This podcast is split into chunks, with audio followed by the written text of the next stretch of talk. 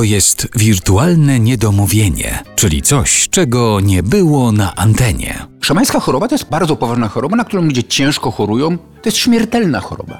Śmiertelna choroba do momentu, kiedy powiesz sobie, że tak, ja będę szamanem. Bo musimy wytłumaczyć, co to jest szamańska choroba. Szamańska choroba to jest to coś, co zsyłają na ciebie duchy albo bogowie, żeby ci dać do zrozumienia, że ty masz być szamanem. Bo jak się zostaje szamanem? No kurde, to nie jest tak jak u nas. Mam nie mówić kurde? Można mówić Dobrze, kurde, to dobra, jeszcze dobra, jest... Dobra, ja, no, ja muszę się hamować, bo jak trotuarowy to trotuarowy, nie?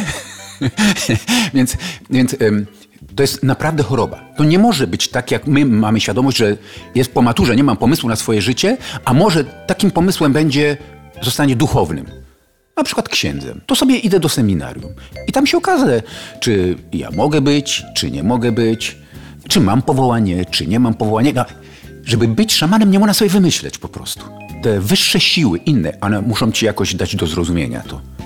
I one dają do zrozumienia. Dają ci bogowie albo duchy, dają ci do zrozumienia, że ciebie by wybrały na tego szamana. I jak to się odbywa? Dlatego, że zsyłają na ciebie chorobę.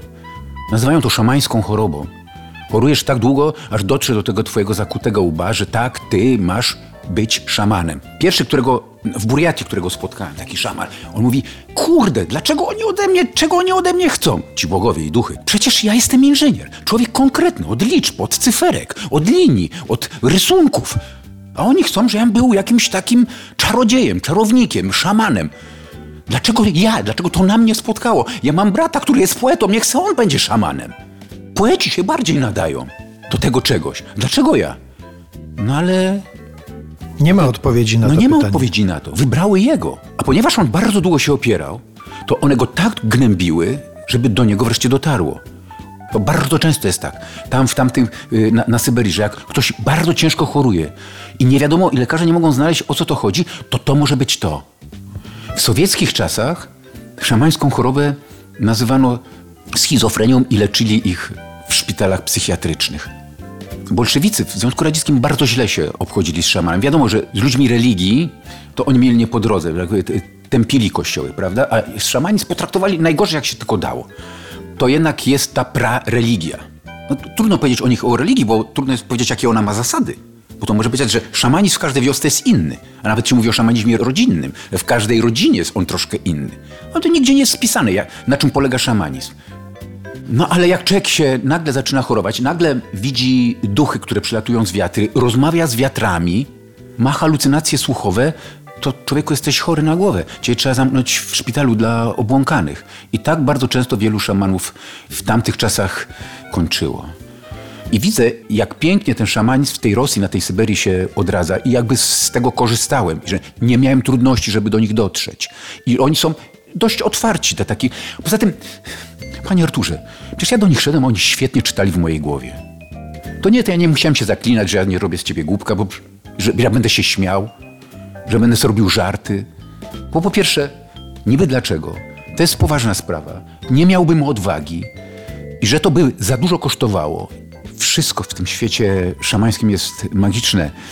Wtedy ciarki zaczynają ci latać po plecach i starasz się być uważny, żeby przypadkiem jakby nie podpaść żadnemu z szamanów, no. Tutaj też w tej książce bardzo ciekawy wątek to jest ten styk tego świata magicznego, czyli szamańskiego, z tym światem e, naukowym. Na przykład to małżeństwo, w którym pomocnikiem szamana jest jego żona, która jest lekarzem psychiatrą. Sajłyk, tak ma na imię. To w Tuwie historia, od której się zaczyna cała opowieść. Naukowym w tym sensie, no tak, że on szaman, a ona lekarz, normalny, normalny, y, regularny lekarz. I na dodatek, która tak się śmieje się ze swojego męża. Słuchaj, to co ty opowiadasz Jackowi, znaczy mnie, to to są normalne halucynacje, na które ja podaję neuroleptyki u siebie w szpitalu. Z drugiej strony, jak ona sobie nie radzi, to prowadzi swoich pacjentów, normalnie pacjentów ze szpitala bierze i prowadzi do swojego męża. A bywa, że jest na odwrót. I że ona mówi, ale po tych latach wspólnego życia, Jacek, to ja widzę, dochodzę do przekonania, że ten mój mąż to jest dużo mądrzejszy ode mnie i od tej mojej współczesnej medycyny. Od te- tego wszystkiego, czego się nauczyłam na, w Akademii Medycznej w Krasnojarsku, bo tam studiowała, i na tych specjalizacjach psychiatrycznych w Moskwie czy w Petersburgu, gdzie byłam. Ja sobie po prostu nie radzę. Ja po prostu wielu rzeczy nie wiem. I w takiej sytuacji prowadzę pacjenta do, do mojego męża. Tak, i ona mówi tak. A on mówi do tego chłopaka, no synku, twój czas przyszedł, trzeba do wojska. A ja temu chłopcu coś tam tłumaczyłem, czego on nie rozumiał. Ten chłopiec, co ma problemy psychiczne, no, że jemu trening dorosłości potrzebny. A szaman mówi, won do wojska. Tam cię życia nauczą. Niby to samo, tylko innymi słowami. A na dodatek ten Sajłek jest pomocnicą szamana, bo szaman musi mieć pomocnicę. I oni wspólnie pracują. Wspólnie w swojej szamańskiej przychodni, w cudzysłowie słowo przychodnia, Antoni Ondor, bo tak nazywa się ten szaman, wspólnie przyjmuje ze swoją żoną Sajłek Ondar i ona mu pomaga. Wspólnie z tymi ludźmi rozmawiają, wspólnie wspólnie przeprowadzają rytuały, wspólnie razem z nimi pojechałem wypędzać złego ducha, demona z domu nawiedzonego. No kurde, kobieta, która skończyła specjalizację, ona wypędza demona z, z chałupy czyjejś?